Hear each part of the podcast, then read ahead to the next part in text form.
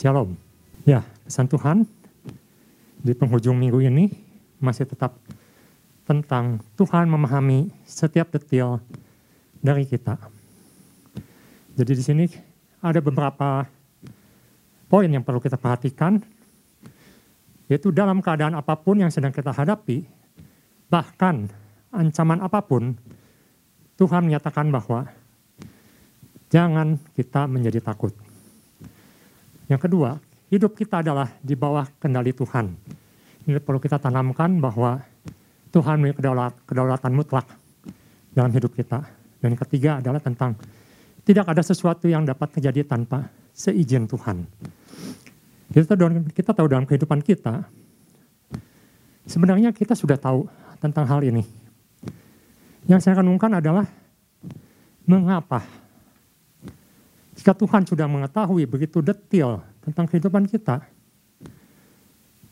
mengapa Tuhan masih memberikan suatu kelemahan, suatu kepedihan, suatu kesengsaraan, suatu penderitaan dalam hidup ini? Jikalau kita melihat Tuhan begitu luar biasa, begitu berkuasa, mengapa Tuhan izinkan hal-hal seperti itu terjadi? Mengapa kita masih mengalami kesulitan-kesulitan dalam hidup ini? Dan tentunya kita tahu itu semua karena akibat dosa. Tapi sebagai anak Tuhan, saya sempat juga mempertanyakan, mengapa Tuhan?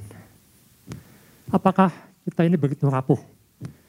Begitu tidak bisa apa-apa. Dan banyak sekali yang harus kita hadapi dalam hidup ini. Banyak yang tidak bisa kita lakukan apa-apa dalam hidup ini.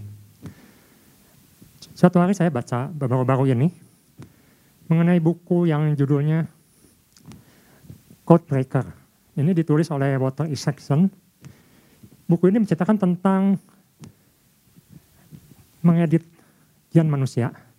Jadi ini buku yang sangat baru dan menyampaikan data-data yang terbaru sampai saat 2021 di mana COVID melanda dan salah satu alat-alat yang dipakai juga menggunakan metode-metode yang sudah memakai rekayasa genetika atau bahasa Indonesia rekayasa genetika jadi ini suatu ilmu yang terus berkembang dan sangat cepat seperti roket sekarang ini. Dikatakan bahwa manusia suatu hari dan dekat-dekat ini akan bisa dan sudah bisa mengedit gen manusia. Untuk apa orang mengedit gen manusia? Ada karena ada satu keinginan, satu ketidakpuasan akan apa yang Tuhan sudah berikan pada kita apa yang Tuhan sudah tentukan dalam hidup kita. Misalnya tentang kodrat. Kita diciptakan misalnya dengan mata yang lebih sipit, lebih kecil. Tetapi dengan teknologi yang paling baru ini, Anda, Ibu Bapak bisa memesan, nanti anak Ibu Bapak ingin matanya yang lebih besar. Mungkin warnanya ingin warna hijau atau biru, tidak mau coklat, tidak mau hitam. Itu sudah bisa dilakukan. Menurut yang terakhir yang saya baca di buku ini. Bahkan fisik pun bisa dipesan. Ingin tingginya berapa, ingin kekuatannya seperti apa, itu sudah ditemukan semenjak manusia bisa memetakan DNA sekitar tahun 1971 sudah bisa dipetakan genetiknya. Jadi manusia ini selalu tidak puas dengan apa yang Tuhan berikan. Bapak Gembala saya menyampaikan, sebenarnya ada respon-respon yang harus kita berikan pada Tuhan. Ada satu pujian, ada rasa ucapan syukur, ada rasa kagum. Tetapi mengapa? Dalam kehidupan kita, kita kadang-kadang kita, atau sering kali kita, malah berlaku sebaliknya. Karena manusia ada ketidakpuasan. Ada satu yang tidak sesuai dengan keinginan kita. Ketika manusia sudah mulai apa istilahnya mungkin disebut dengan playing God karena bisa membuat manusia sesuai pesanan. Dan tentunya dikhawatirkan di dalam buku ini ditulis bagaimana jika manusia menggunakannya untuk kejahatan atau sebagai senjata. Kita tahu COVID ini adalah suatu rekayasa genetika yang lepas dari lab yang sampai sekarang pun kita tidak tahu dari mana. Tetapi ini sudah bisa diutak-utik dan menyebar dan terus bermutasi sampai saat ini yang jadi pertanyaan adalah apakah benar manusia harus turut campur dalam pencipta, penciptaan ini? Manusia ini bisa menjadi Tuhan dalam penciptaan ini. apakah manusia itu harus sempurna dunia ini? Kita lihat dalam kehidupan, Tuhan pakai yang lemah untuk mempermalukan yang kuat. Seperti yang Rasul Paulus katakan. Bahkan Daud katakan ketika ia lemah, ketika ia takut, ia kuat di dalam Tuhan. Ada contoh-contoh orang-orang yang punya cacat fisik, misalnya seperti ini Pujicik. Kita tahu dia tidak punya lengan, kaki pun tidak sempurna. Kita istilahkannya cacat. Tapi apa yang kita bisa lihat, dia menjadi berkat bagi semua orang. Dia bisa hidup sukses, punya istri, punya anak normal. Atau ada yang dikenal dengan Johnny Erickson, seorang yang hebat, atletis, tapi kemudian lumpuh seluruh tubuhnya. Dia menjadi berkat juga. Dia menjadi motivator bagi semua orang Kristen. Dan dia bisa menjadi berkat, berikan motivasi, kekuatan untuk semua orang percaya. Jadi pagi hari ini kita akan belajar sama-sama sebenarnya respon apa yang harus kita lakukan. Apakah jika kita melihat Allah yang disebut sudah ada dan akan terus ada. Yang Yohanes katakan dari awalnya penciptaan, Allah itu sudah turut bekerja. Sampai akhirnya nanti ditutup. Akhir penciptaan. Allah pun sudah ada di sana. Yohanes 1 ayat 1 katakan pada awalnya adalah firman. Firman itu bersama Allah dan firman itu adalah Allah. Dan Yesus katakan dia adalah alfa dan omega. Jadi kita tahu bahwa Tuhan inilah sang penguasa alam dan dia mengetahui percis semua apa yang ada dalam tubuh kita, termasuk genetika kita. Yang sekarang sedang di utak-utik. Tuhan tahu percis gunanya untuk apa. Dan diciptakan untuk apa. Mengapa kita ciptakan untuk tinggal di Indonesia. Ibu bapak yang sudah ditentukan. Tuhan punya kedaulatan. Baik, jadi untuk yang bagian pertama. Sebenarnya apa yang harus kita lakukan atau respon apa yang kita harusnya kita berikan pada Tuhan ketika kita mengetahui begitu besar Allah kita ini terlibat dalam kehidupan kita. Yang pertama, kita harus terus berdoa dan berjaga-jaga. Mengapa kita harus terus berdoa dan berjaga-jaga? Kita ambil lihat dasarnya di Lukas pasal 12 ayat 2. Sudah dikatakan, tidak ada sesuatu pun yang tertutup, yang tidak akan dibuka dan tidak ada sesuatu pun yang tersembunyi, yang tidak akan diketahui. Ayat ketiga, karena itu apa yang kamu katakan dengan gelap akan kedengaran dalam terang. Dan apa yang kamu bisikan ke telinga dalam kamar akan diberitakan dari atas atap rumah. Tuhan katakan tidak ada yang tersembunyi. Dan tidak akan ada yang tertutup. Semuanya akan dibukakan pada waktunya. Sebenarnya Alkitab dari kejadian sampai wahyu itu sudah menyatakan bagaimana akhir zaman akan berlaku, apa yang akan terjadi di akhir zaman. Seperti kasih akan menjadi dingin, manusia akan membenci samanya. Sudah dikatakan, dan bagaimana nanti kita semua orang percaya akan mendapatkan janjinya di Tuhan, Yerusalem baru bersama dengan Allah. Tetapi yang jadi masalah adalah tekanan-tekanan yang kita terima dalam kehidupan ini. Di pasal 12 dikatakan bahwa ada orang Farisi, ada ahli Taurat, yang dengan begitu hebat bisa menekan orang Israel untuk mengikuti apa yang mereka inginkan. Jadi ada kaum agamawan, agamawan yang menekan ketika mereka sebenarnya tidak mengerti firman Tuhan dengan benar, tetapi memaksakan kepercayaan mereka, kehendak mereka pada kita. Dan juga ada dunia yang begitu menekan untuk supaya kita mengikuti cara-cara mereka. Kita tahu tekanan-tekanan ini adalah tidak mudah dan kadang membuat kita lemah. Jadi kita takut dalam menghadapi kehidupan ini. Karena itu Tuhan memberikan satu firman di misalnya di pasal di Matius pasal 26 ayat 41 kita akan lihat. Tuhan Yesus katakan, di situ kita harus berjaga-jagalah dan berdoalah. Untuk apa? Supaya kamu jangan jatuh ke dalam pencobaan.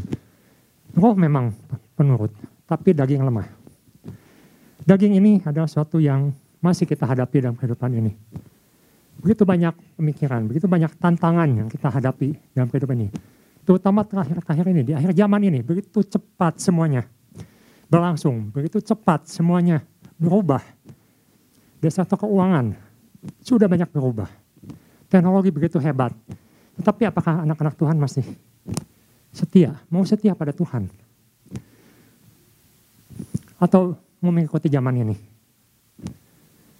Kita ketahui bahwa dalam kedokteran pun begitu maju, begitu cepat.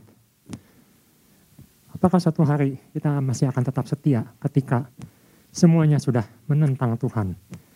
Ketika Tuhan sudah tetapkan sesuatu yang baik, tapi kita memilih yang buruk. Karena apa? Karena ada tekanan. Tekanan dari dunia ini. Ketika kita tidak mengikutinya, maka kita akan keluar. Kita akan dikucilkan. Kita akan dijauhkan karena itu Yesus katakan kita harus berjaga-jaga dan berdoa untuk menghadapi hal-hal seperti ini. Tuhan katakan Tuhan melihat sesuatunya seperti burung yang harganya murah sekali, tapi Tuhan pelihara. Apakah kita masih percaya bahwa Tuhan masih akan memelihara kita di masa yang akan datang? Ini ada satu pertanyaan yang perlu kita jawab dan pastikan. Jadi yang pertama, Tuhan katakan kita ini harus berjaga-jaga dan terus berdoa. Berdoa supaya roh kita kuat. Berdoa supaya kita tidak dipengaruhi oleh dunia. Supaya kita tetap bisa bersyukur. Bisa menikmati apa yang Tuhan sudah berikan. Bukan merubah apa yang Tuhan sudah kodratkan. Tapi menikmati apa yang Tuhan sudah berikan. Karena dalam 2 Korintus misalnya, pasal 12 ayat 10. Di situ Paulus mengatakan, jika aku lemah, aku kuat. Paulus mengatakan kelemahan kita itu sebenarnya membuat kita harusnya kita makin kuat ketika kita sadar kita ada manusia yang lemah di hadapan Tuhan. Dan kita mempercayakan semua apa yang sudah Tuhan berikan, apa yang sudah Tuhan rencanakan, yang sudah rancangkan dalam kehidupan kita. Ya kita bisa maju dengan mantap dalam mengikuti Tuhan. Jadi yang pertama kita harus terus berdoa dan berjaga-jaga. Yang kedua, kita harus menguatkan diri pada Tuhan. Lukas pasal 12 ayat 4 sampai 5. Aku berkata padamu, hai sahabat-sahabatku, janganlah kamu takut terhadap mereka yang dapat membunuh tubuh dan kemudian tidak dapat berbuat apa-apa lagi. Ayat yang kelima, aku akan menunjukkan kepada kamu siapakah yang harus kamu takuti. Takutilah dia yang setelah membunuh mempunyai kuasa untuk melemparkan orang ke dalam neraka. Sesungguhnya aku berkata kepadamu, takutilah dia. Ketika kita sadar bahwa Tuhan mengetahui yang terkecil, apa yang ada dalam hidup kita, seperti rambut. Bahkan saya katakan ada kodenya, ada nomornya apakah kita masih harus takut? Kita bisa belajar dari Daud ketika Daud mengalami sesuatu yang berat dalam hidupnya di Siklak. Ada satu yang dia katakan, ketika aku takut, aku menguatkan imanku kepada Tuhan. Dan itu yang Tuhan yang Daud lakukan. Tuhan selalu mengatakan, jangan khawatir, jangan takut. Itu banyak sekali dituliskan dalam Alkitab. Tapi kan mengapa? Kita selalu diingatkan, diingatkan, diingatkan. Jangan takut, jangan khawatir. Kita akan lihat di Matius 6, pasal 25. Di situ Tuhan katakan, karena itu aku berkata padamu, jangan khawatir akan hidupmu, akan apa yang kamu hendak makan dan minum. Dan janganlah khawatir pula akan tubuhmu, akan apa yang hendak kamu pakai. Bukankah hidup itu lebih penting daripada makanan? Dan tubuh itu lebih penting dari pakaian? ayat 26. Pandanglah burung-burung di langit yang tidak menabur dan tidak menuai dan tidak mengumpulkan bekal dalam lumbung, namun diberi makan oleh Bapamu yang di surga. Bukankah kamu jauh melebihi burung-burung itu? Ayat 27. Siapakah di antara kamu yang karena kekhawatirannya dapat menambahkan sehasta saja pada jalan hidupnya? Kita akan lanjutkan tapi kita akan lihat di ayat 27 katakan Ketika kita protes, ketika kita tidak puas, ketika kita takut, apakah itu akan mengubah satu hasta atau satu hasta itu sekitar 40 cm. Apakah akan merubah sedikit dari kehidupan kita? Apakah hidup kita akan berubah dengan kekhawatiran, dengan ketakutan, dengan ketidakpercayaan akan kuasa Tuhan dalam hidup kita? Jujur, saya sendiri mengalami ada ketakutan, ada kekhawatiran dalam menghadapinya. Tapi Tuhan ingatkan, kekuatan kita tidak menambahkan satu hasta pun. Ayat 28. Dan mengapa kamu khawatir akan pakaian? Perhatikanlah bunga bakung di ladang yang tumbuh tanpa bekerja dan tanpa memintal. Ayat 29. Namun aku berkata padamu, Salomo dalam kemegahannya pun tidak berpakaian seindah salah satu dari bunga itu. Ayat 30. Jadi jika demikian Allah mendandani rumput di ladang Ya, hari ini ada dan besok dibuang ke dalam api. Tidakkah ia lebih terlebih lagi mendandani kamu, hai orang yang kurang percaya. Ayat 31. Sebab itu janganlah kamu khawatir dan berkata, apakah yang akan kami makan? Apakah yang akan kami minum? Apakah yang akan kami pakai? Ayat 32. Semua itu dicari bangsa-bangsa yang tidak mengenal Allah. Akan tetapi Bapamu yang di surga tahu bahwa kamu memerlukan semuanya itu. Jadi kalau sebenarnya Allah itu sudah mengetahui awal dan akhir, bahkan semesta ini. Tuhan katakan, apakah untuk kehidupan kita, kita patut khawatir? Apa kita patut takut? Itu yang disebut dengan Daud menguatkan kepercayaannya kepada Allah. Jadi kita perlu menguatkan kepercayaan kita sekali lagi pada Tuhan.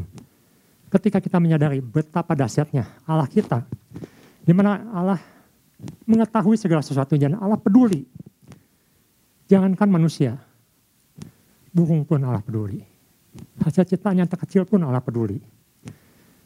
Dan kita percaya bahwa sehebat-hebatnya manusia, dikatakan bahwa manusia ini bukan Tuhan. Yang bisa lalai, yang bisa punya motif yang berbeda. Ada tujuan tertentu, tidak murni, tidak seperti Tuhan. Kita sebagai orang percaya Tuhan berikan satu janji. Janji bahwa Tuhan sekali-kali tidak akan meninggalkan kita. Apa yang terjadi ketika kita ragu? Ketika kita sudah tahu bahwa Allah ini begitu luar biasa, peduli akan kita, tetapi kita ragu. Ada suatu kejadian di perjanjian lama, di kitab dua Raja-Raja, pasal 7 ayat 2. Di mana saat itu Elisa menjadi nabi dan waktu itu Samaria dikepung dan mengalami kelaparan. Sehingga mungkin ibu bapak masih ingat. Ada orang tua yang sampai memakan anaknya. Karena kelaparan itu. Ketika ada seorang prajurit diutus oleh raja kepada Elisa, Elisa katakan besok, besok, maka harga tepung itu akan menjadi murah sekali, akan berkelimpahan. Ini sama seperti yang janji berikan pada kita oleh Tuhan. Tuhan katakan besok. Besok Tuhan akan jadikan sesuatunya baik untuk anak-anaknya. Apa kita masih bisa percaya atau seperti Pak ini yang katakan sekalipun Tuhan membuka tingkap langit tidak akan mungkin terjadi. Itu yang dikatakan oleh prajurit itu.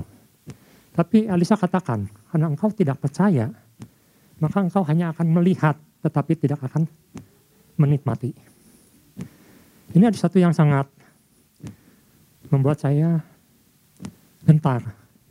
Apakah saya benar-benar percaya kepada Tuhan yang begitu luar biasa ini, yang begitu peduli akan kehidupan saya, kehidupan keluarga saya, kehidupan anak saya. Apakah benar saya masih kagum akan Tuhan kita? Atau jangan-jangan saya seperti prajurit ini, yang Tuhan katakan, kamu hanya akan melihat, tapi tidak menikmati. Ya, saya harapkan semua menikmati semua janji-janji Tuhan yang Tuhan sudah tuliskan semua dalam kitab Alkitab ini. Dan kita akan melihat kedahsyatan Tuhan. Apa yang Tuhan akan lakukan dalam dunia ini untuk anak-anak Tuhan. Kita akan lihat di Roma pasal 5 ayat 2 sampai 5. Di situ katakan ada beberapa yang Paulus katakan di sini. Oleh dia juga kita beroleh jalan masuk oleh iman kepada kasih karunia ini. Di dalam kasih karunia ini kita berdiri dan kita bermegah dalam pengharapan akan menerima kemuliaan Allah. Jadi Paulus katakan di sini ada iman, ada pengharapan. Selanjutnya, ayat ketiga. Dan bukan hanya itu saja, kita malah bermegah juga dalam kesengsaraan kita. Karena kita tahu bahwa kesengsaraan itu akan menimbulkan ketekunan. Jadi ada kesengsaraan, kesulitan, masalah dalam hidup ini. Tapi perlu katakan masalah itu akan menimbulkan ketekunan. Ayat yang keempat. Dan ketekunan menimbulkan tahan uji. Dan tahan uji menimbulkan pengharapan. Ada tahan uji ketika kita mau tetap setia pada Tuhan. Dan ada pengharapan. Ayat yang kelima. Dan pengharapan tidak mengecewakan. Karena kasih Allah telah dicurahkan dalam hati kita oleh roh kudus yang telah dikenakannya kepada kita. Pengharapan yang tidak mengecewakan. Perlu katakan, iman, kasih karunia, pengharapan, ketekunan. Itu yang harus kita lakukan. Ketika Tuhan sudah membuktikan bahwa dia berdaulat atas hidup kita Mengapa kita harus tahan dalam menghadapi kehidupan ini? Dan menghadapi mungkin kekecewaan yang tidak seperti yang kita inginkan. Yang terjadi sekarang ini. Karena Tuhan katakan, nanti kita akan lihat bahwa Tuhan itu tidak akan mengecewakan. Dan terjemahannya dikatakan, Tuhan tidak akan memalukanmu. Tidak akan membuat engkau kecewa. Tidak akan membuat engkau menjadi bulan-bulanan. Itu yang Tuhan janjikan.